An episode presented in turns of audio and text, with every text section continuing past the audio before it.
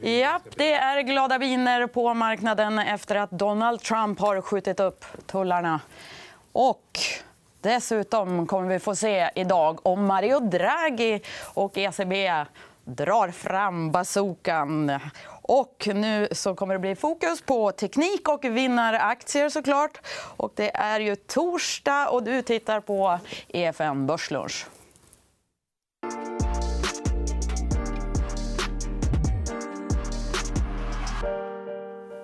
Ja, det stämmer bra. Vi får återkomma till ECB lite senare i eftermiddag och se hur det går där. Här i studion ska vi fokusera på teknik och spännande case. som sagt. Väldigt roligt att ha Stefan Roos tillbaka i studion. Det var ett år sen, tror jag. Mm. Henrik Karlman, ny gäst här. Jättekul att ha dig med också. Vi ska börja med två teknikrelaterade nyheter som händer på börsen idag. Det ena är att Rovio handlas ner efter en vinstvarning. Ner går också Stillfront efter en placing igår. En storägare som sålde ganska mycket aktier. Just det. Har du kollat någonting på det? Köpte du några aktier? Ja, lite grann. Ja, Robur var faktiskt med i den här eh, placingen. Lite grann. Och vi är ju en av de större aktieägarna också sen tidigare. Och det ligger också i min fond, den här, eh, den här investeringen.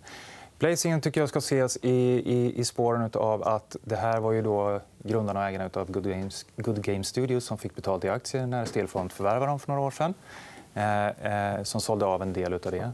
Men också då i spåren av den här stora kursuppgången som har gjort så är det ju som så att eh, eh, att eh, tar man det över lite lång tid så blir inte rabatten hysteriskt stor även om det kan okulärt idag betraktas som ganska stor. Men vi köpte på oss mer för vi tror på det här bolaget väldigt starkt. Mm. Utvecklingen i företaget har varit fantastisk de senaste åren. Men nedgången idag är i linje med rabatten i natt? Eller Den är lite mindre än eh, rabatten i natt. Right. Faktiskt. Rabatten var 10,6% Stefan, några reflektioner här? Nej. Eh... 10,6 är mycket. Ja, rabatten är jättestor. Och det, det, det, det är väl en signal att det, det är inte är så lätt att sätta sina poster. Men eh, jag tänker på Rovio, vi nämnde det. Det, mm. det är väl andra eller tredje vinstvarningen. Ja, det är många. Eh, jag följer, jag följer dem inte noga, men noterar att det kommer vinstvarningar då och då. Mm. Att, eh... Det är precis som i spelet. Skjuter ut och så kraschar ja. Den stora skillnaden tycker jag, mellan Rovio och eh, Stillfront tycker jag man behöver titta på liksom antalet spel som man har. För, för några år sen så var ju Stillfront kanske lite mer likt Rovio i termer av att de bara hade ett fåtal IP och ett fåtal spel. Man hade fem ungefär när man kom på börs. Nu har man över 30. Bland annat det här förvärvet via Good Game Studios. Vilket gör att risken i affärsmodellen har gått ner ganska kraftigt faktiskt för Stillfront. Eh, och det gör att vi har en stor förtroende på att de kommer fortsätta förvärva och driva den här strategin som de har framåt. Mm. Stefan, vi ska ge oss in på ditt mm. case snart. Mm. Din förvaltningsfilosofi, tre korta meningar. Kollar du mycket på såna här tech-gaming-aktier? Eller vad? Vi, vi har ju varit med i spelsektorn. Vi har haft ett långt innehav i Cherry. Till exempel. Vi ägde Cherry i fem år. Eh, så att, eh, vi tittar på allt. Mm. Men vi har, vår filosofi är väldigt långsiktig. Det är, nog, det är nog det viktigaste ordet nummer ett. Sen, sen är vi gärna aktiva ägare. Eh, vi, vi liksom tittar väldigt mycket på ledning, styrelse, mm. strukturella frågor i bolagen. Sen är det klart, jag, jag som person jag gillar det jag förstår. Och eh, viss, viss tech, eh, biotech inte minst, men även vanlig it-tech tycker jag är väldigt svårt. Hur ser konkurrensbilden egentligen ut för, för de här bolagen? Jag tycker det är jättesvårt. Jag, jag ser det lite grann som bokförläggare som har massa titlar. Eh, vilken av alla dessa titlar kommer liksom slå i framtiden eller, eller fortsätta generera kassaflöden? Det, I don't know. Därav diversifieringen är väldigt viktig. Ska vi gå vidare? Ja. Vi har ju en gammal, gammal favorit här i Börslunch som väldigt många pratar om. Den har gått lite knackigt, men nu kanske den är på väg upp igen. Hoist. Mm. Ja, eh, Hoist är ett innehav vi haft ett par år. Eh, de drabbades av ett bakslag när EU ändrade sin syn på det här med kapitaltäckning. och Finansinspektionen tog direkt rygg på det. Det är nedgången här vid, ursäkta, vid årsskiftet. som vi ser. Mm. Precis. Ja. Eh, och det var rätt blodigt. Jag tror det var 40% på en dag. nästan. Mm. Eh, men det händer ju väldigt mycket i det här bolaget som det kanske inte pratas om så mycket. Eh, de har blivit allt mer digitala. Vi pratar om, lite digitalt tema idag. Mm. Eh, de har lanserat en portal nu på alla sina jag tror det är tio marknader man har i Europa. Eh, en, samma portal för alla där deras kunder, alltså låntagare som har lite problem att betala sina skulder, de loggar in själva på de här portalerna. De bestämmer en avbetalningsplan. Eh, liksom 300 kronor i månaden i 12 månader, sen är du skuldfri. Och det här är något de gör själva med datorn. VR på andra sidan alltså, som hjälper till? Det, det är någon form av chattrobot som, som hjälper dem att guida fram det här. Men det, mm. det som är intressant med det, det man har sett är att de här låntagarna då, som, de, de kommer från en ganska stökig bakgrund ofta och liksom har slutat betala sina skulder. Så det gick så långt så att banken sålde fordran till Hoist. Mm. Eh, men när de själva får sitta med datorn och lägga upp sin egen plan utan stress utan samma press så är det faktiskt så att de, de håller sina betalningsplaner bättre. Och den här collection som Hoist har nått, jag tror de är uppe i 11% kommer bara av såna personer som har loggat in själva. Hoist har inte ringt ens personen och liksom tagit kontakter. Utan de loggar in själva, börjar betala plötsligt. Och den här andelen har gått från 0 för några år sedan till 11 idag. En virtuell Lyxfällan, alltså? Ja. Du, du, du, du, känner till den här kapitalkravshistoriken också? Kollar ja, nej, men alltså, ja, absolut. Jag känner Hoist sedan många, många år tillbaka och eh, har tittat på den länge. Och det, var ju, det var en eh, oväntad eh, sak som faktiskt hände som kommer från regulatorn. Som kommer av att Hoist är ett väldigt annorlunda djur eftersom mm. de faktiskt är en bank, vilket är ovanligt i den här industrin. Mm. Och det man är orolig för där det är ju naturligtvis hur de ska lösa möjligheten att kunna växa på ett riktigt bra sätt i framtiden. Eh, men, det, har, det har de ju lite grann visat marknaden man har under sommaren. Och där tror vi att eh, det var en jätteviktig transaktion som gjordes nyligen med värdepapperisering eh, mm. som gör att de lastar av lite av sin risk. Mm. Och då, kan, då, då, då, kan de växa igen. Men eh, de kommer göra fler affärer tror jag, den närmaste tiden. Så att, och det är väl det som driver aktien nu. Det är samtidigt väldigt intressant när du har en situation där du har en, en hel bransch med många olika spelare och så har du en som är väldigt unik. Det är både för och nackdelar där i. Det är dåligt för kursen, för folk fattar inte. Eller vad, vad menar du? Nej, men det är klart att den här kursrörelsen som var vid det här tillfället den, den, den var ju väldigt motiverad. för Det var ju väldigt oväntat. Och det var ju, det är liksom, det var, hela modellen blev ju ifrågasatt eftersom de är annorlunda. Det fanns ingen annan att titta på. och så vidare. Och då måste ju företaget ta sin tid hitta nya sätt att kunna finansiera den framtida tillväxten som kommer. Eh, men i grund och botten så är det klart att inlåningskostnaden för Hoist är ju en enorm fördel jämfört med, jämfört med eh, de andra som får gå ut och eh, skaffa pengar på andra sätt genom high yield bonds och så vidare. Stefan, vad tycker du att vi ska nej, det... ta till oss från den här ja, nej, Om vi tar de blåa staplarna är Hoist försäljning. Eh, taktar upp med 3 miljarder nu. Mm. Eh, den har varit väldigt stabil, den tillväxten, och hög, hög procentuellt. Jag tror det är 30% per år de sista fem åren. Mm.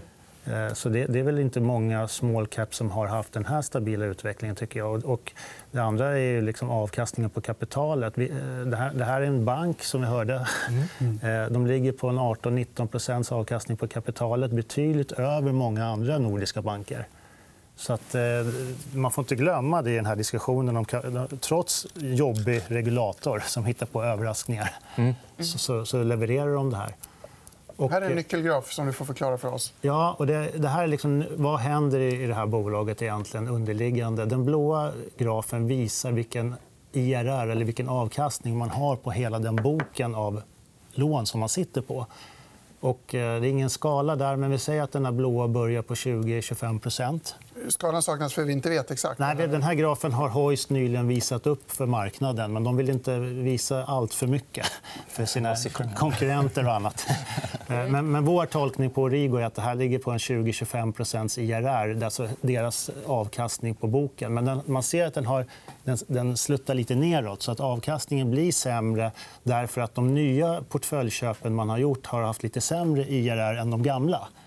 Och nu är det fantastiskt hög siffra. Om det är 2025 så är det, ju, alltså det är fenomenal avkastning. Men ändå blir man lite oroad när den går neråt långsiktigt. Men nu ser vi den här orangea grafen visar vad är avkastning på de nya förvärven man har gjort av portföljer. Och den, den är betydligt under. Den ligger kanske visar på kring 10 10, 11, 12. Men det intressanta är vad som har hänt på slutet. här. Ni ser från september eller någonting förra året så är den ganska rejält uppåt. Och nu är den i kapp den gamla bokens avkastning. Så egentligen, när man köper portföljer idag så har man en väldigt hög avkastning igen. Och den här stökiga miljön i banksektorn har gjort att det är färre aktörer inne just nu och köper portföljer. Priserna har gått ner, men Hoist står ju stadigt i den här branschen och kan liksom få bättre avkastning. En, en fråga bara. Av sämre konjunktur, hur påverkas Hoist? Är det bra eller dåligt? Det? Det kan ju bli så att de här låntagarna får ännu jobbigare att betala av. Så att här avbetalningsplaner och så, i slutkunden kanske har en sämre utveckling. Och, å andra sidan kommer bankerna ha det lite tufft. Om det, det har de redan, men det blir ännu tuffare. Och då kanske de vill outsourca ännu mer affärer till Hoist. Så att intäktsmässigt så kan det bli bra, riktigt bra för, för Hoist. Alltså de köper ännu mer portföljer, men marginalmässigt kanske ja. Jag ser det inte egentligen som ett speciellt konjunkturkänsligt bolag. De här tar ut varandra lite. Du tar emot, men vi måste mm. släppa Hoist nu. Mm. Den som inte har fått nog får kolla in Petras givande samtal med Erik Selin från häromdagen. Där snackar han om en putt. Till och med. Han lovar att köpa mer om aktien kommer ner i kurs. Så det finns en Selin-putt att ha i åtanke när man tittar på Hoist. Men vi ska inte bara snacka aktier. Du har faktiskt varit ute i verkligheten och rört dig. gått på ja. Stockholm Techfest. Precis. Delar av mitt eh, mandat innebär ju faktiskt att jag investerar i onoterade aktier också utanför börs. Så att jag har varit på Stockholm Techfest som är då största... Ja, nu såg vi en liten bild där bakom. Den största skulle jag vilja säga, svenska startups. Svenska startup-mässan där, där svenska startups och eh, VC-bolag och investerare träffas och möts och minglar och utbyter kort och tankar. Kul. Den är inte helt representabel, för de var väl ett par, ett par tusen pers där, eller någonting sånt där, i alla fall på Waterfront. Så det, det, det är en stor händelse. Och den viktigaste takeawayen för mig där, det är så här att techscenen i Sverige är stark. Det är jättemånga bolag som är på väg upp, som blir finansierade, som tar sig vidare. Många av dem kommer naturligtvis gå under för det är väldigt tidiga faser. Mm. Men det är en stor innovationskraft som finns kvar och den finansieras och det kommer bli nya bolag som kommer till börs. Där. Vad ser du för trender där? då?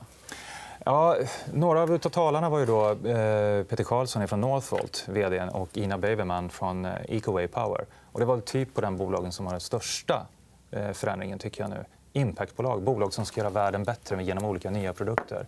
Och de gör det på stor skala. De ska inte bara byta ut en liten detalj eller en, en enhet. eller någonting sådant, utan De ska ta över hela affärsmodeller och göra dem mer hållbara, mer cirkulära och så vidare. Så att det, det ska bli fantastiskt spännande att se vad som kommer ut ur det här de närmaste fem åren. För Det kommer att vara ganska mycket och ganska oväntade saker. Eh, andra trender där. Eh, VR, virtual reality, har vi pratat om i många, många år hetare än någonsin. Ja. Ja, det, heter... Inte VR, men artificiell intelligens. Ja, men det, det är hetare än någonsin. Det ska in i dataspel, det ska in i vardagen, det ska in i konsumtionen, det ska in i, i sjukvården. Det, alltså det ska in precis överallt. Och alla pratar om den här nya hårdvaran som är så fantastisk. Så att nu ska det äntligen hända. Vi får väl se. Det är hett i alla fall. Det är många idéer där inom. Och du har med dig ett case som knyter an till den här breda trenden. i alla fall. Precis, lite grann. Eh, den breda trenden med VR men framför den breda trenden med att it ska in i allting och förbättra allting. Mm. Och den här konvergensen mellan traditionell mekanikteknik och eh, informationsteknologi som går in i nya affärsmodeller. Den, den, den är väldigt tydlig. Och det caset kommer vi Berätta lite. Eh, Devport är ett bolag vi inte snackar om så ofta här i Nej. Börslunch. Så kul att höra kort. Det är en it-konsult, så mycket vet vi. Ja, ja det är en it och teknikkonsult är det, eh, som heter Devport som kommer från Göteborg. Och, eh, den här börskursen här, den, ja, den ser väl halvtrevlig ut. Sista åren ser den inte så där jättekul ut. naturligtvis. Och, det är något jag har funderat över ganska mycket varför det ser ut så där. Faktiskt. Med tanke på att de hade en lönsam tillväxt på 40% nämnde du här innan. Exakt. De växer ungefär runt 40% om året med god lönsamhet. Eh, och... Det ser ut lite klent ebitda där. Jag vet inte om jag ser skalan rätt, men det ser ut som, det ser inte ut som ebitda hänger med. Riktigt. Nej, den gör inte det sista tiden. För vad händer i konsultmodeller? Ja, det är, Oftast. Det, det, de, de tar ju löner. Det går i lön. Liksom. Det, ja, men konsultmodell, konsultmodeller är ju egentligen en perfekt marknadsplats för kompetens. eller hur? Ja. Och från tid till annan så vill kunderna då förhandla om den här kompetensen. och Då sänker de priserna lite grann. Och då försvinner den kompetensen de vill ha någon annanstans där de får mer betalt. Det gör att det blir lite knackigt mellan kvartalen mm. i, i de här modellerna. Sånt påverkar eh, rörelseresultat. Naturligtvis. Men det låter oroväckande om det långsiktigt är så att expansionen sker på bekostnad av Nej, jag är absolut inte orolig. Jag är ganska övertygad om, precis som vd Nils Malmros, att det här kommer komma tillbaka. Dels har jag själv en bakgrund som konsult så att jag vet att det fungerar på det sättet. Och dels har jag stort förtroende för Nils då, där som framförallt är eh, en av de största ägarna i bolaget. vd har bakgrund mm. från både Epsilon och eh, OF-gruppen också, som kanske är lite mer känd av teknikkonsulterna. Eh, den andra delen med Devport som jag tycker är viktig det är att titta mot vad de jobbar emot. Det är väldigt mycket mot fordonsindustrin. Och de håller på med teknikutveckling mot fordonsindustrin för att hjälpa till med rd projekt för att göra morgondagens självkörande bilar, elektriska bilar och utveckla all den tekniken tillsammans med OEM-tillverkarna. Blir man mindre konjunkturkänslig då? Fordonsindustrin känns ju väldigt... Den är jättekonjunkturkänslig. Men eh, om du vill överleva i fordonsindustrin idag då måste du ta fram batteridrivna bilar. Du måste ta fram självkörande bilar. Det är en explosion i de här rd satsningarna som görs av de här bolagen. Så jag tror att eh, Devport har en unik situation just nu faktiskt de närmsta åren med en ganska god marknad oavsett konjunktur. Famous last words, förmodligen, men eh, mycket pekar på det. Vi ska hinna med ett case till. Vi får dra över tiden lite idag. Mm. Alimak spontant kändes det inte alls som ett teknikcase. Men du säger att det senaste förvärvet tyder på att även hissar är på väg att bli uppkopplade. Ja, eh, nej, men det är inte nåt som man tänker på ett techbolag. Men de, de köpte ett bolag faktiskt i Borås som heter Dataline för i april i år. Och det är en gammal leverantör till Alimak av mm. kontrollsystem, så de känner varandra ganska väl. Eh, men det var början, egentligen var startskottet på en ganska stor automatiseringssatsning som bolaget gör. Och tanken är då att eh, man har 70 000 installerade hissar globalt, som jag nämnde tidigare. Och mm. Eh, det här, jag tror inte man kommer kunna lyckas kanske koppla upp varenda hiss men en stor del av den här parken ska så småningom vara uppkopplad. Då kan man sitta på Alimak, något kontrolltorn eller var man sitter på sitt kontor och följa liksom, i realtid hur alla hissarna globalt uppför sig, hur många timmar de har jobbat, reservdelsproblem eller komponentproblem och så vidare. Och så kränga på service. Och, så, och så trycka ut ännu mer service, såklart på ett seriöst sätt. Men när de ser att den här, liksom, den här hissen behöver lite, vi behöver åka ut och titta till den här här så kan man sälja lite extra timmar. Och after sales är jätteviktigt då för Alimax. Såklart. Det är jätteviktigt. Det är, service är, eh, det står för två tredjedelar av vinsten i Alimax. Så det här är ju ett servicebolag. Och med en uppkoppling med digitalisering så får de ju ännu mer verktyg för att driva service. Blir man då resistent mot att sälja, om man skulle sälja färre hissar i en byggavmattning till exempel? Ja, jag, jag, jag, tror att, jag tror att det här är ju inte ett jättekonjunkturkänsligt bolag tack vare servicen. Mm. Och digitaliseringen gör att det blir ännu mer möjligheter. Så, rimligtvis, så, om, om, vi får en rejäl avmattning så nyköpen av nya hissar kanske går ner. Orderingången faller. Men då måste de servas den parken som finns där ute. Vi har ett par marginalgrafer också. Vad har man bäst marginaler? Efter marknad eller nyförsäljning? Det är eftermarknaden. Man har, man har eh, vinstmarginal inom, inom servicen är 27 mm. Eh, hela bolaget ser vi här. De har, rörelsemarginalen har rört sig upp mot 14 drygt procent just nu. Eh, målet satte man för två år sedan på 15. Jag tror att de har för låga finansiella mål. Men det kan också vara det är rätt så mycket som tyder på att de letar nya förvärv, nya stora förvärv. Och då kanske man håller tillbaka liksom, man vill inte komma ut med nya höga mål när, när man liksom sitter och tittar på bolag som man ska köpa som förmodligen har sämre marginaler än vad man själv har haft. Mm. Vad har de för utmaningar? då? Eh, det finns gott om utmaningar. De har olika divisioner. Och eh, industridivisionen påverkas ju av sånt som vi har pratat lite om. Mm. En global avmattning och bilförsäljningen, eh, byggkonjunkturen. Så att en del av det hela är konjunkturkänsligt. Sen tror jag att de har ett problem. Eh, I vissa delar säljer man hissarna lite för billigt för att komma in i serviceaffären. Och det där har, det kanske är liksom en kultur eller någonting som har satt sig lite i bolag. Jag har varit på dem om det här flera gånger. att Ni måste ha högre marginaler när ni har så god lönsamhet i service. det låter inte så dumt. Du gillar ju serviceaffären. Kanske värt, värt ett lägre pris ja, att komma in. Det, det är väl så de har tänkt. att Det, det är ett bra sätt att komma in. Men jag, jag tycker, jag, jag, gillar ju gamla bolag som eh, Atlas Copco är en av de finaste verkstadsbolagen. De tar betalt exakt vad, vad de ska ha på varje produkt. Varje produkt har ett eget avkastningskrav. Och, eh, utifrån vilket värde den skapar för kunden. Mm. Jag tycker det är ett bra synsätt. Ingenting ska liksom subventionera någonting annat. Då blir det fel i helhet, som helhet. Mm. Vår helhet börjar leda mot sitt slut. Vi har faktiskt ett case till från Henrik Karlman. Det kommer vi att smyga ut imorgon förmiddag. Kolla då också. Och framför allt imorgon igen, för då är det fredag. Då 11.45 så kommer vi med ett nytt Börslunch. Då blir det fastighetsspecial. Vi kommer att ha en proppfull studio. Ilja Battlan är här inför sin kommande uppgradering till storbolagslistan. Vi har Marcus Mackan Henriksson som sänkte fastighetssektorn i förra veckan med sin fruktade analys. Vi har Albin Sand Sandberg. Vi har David Flemish. Häng med oss då. Tack för idag. Fredag den 13. Så, jag fick lite fil.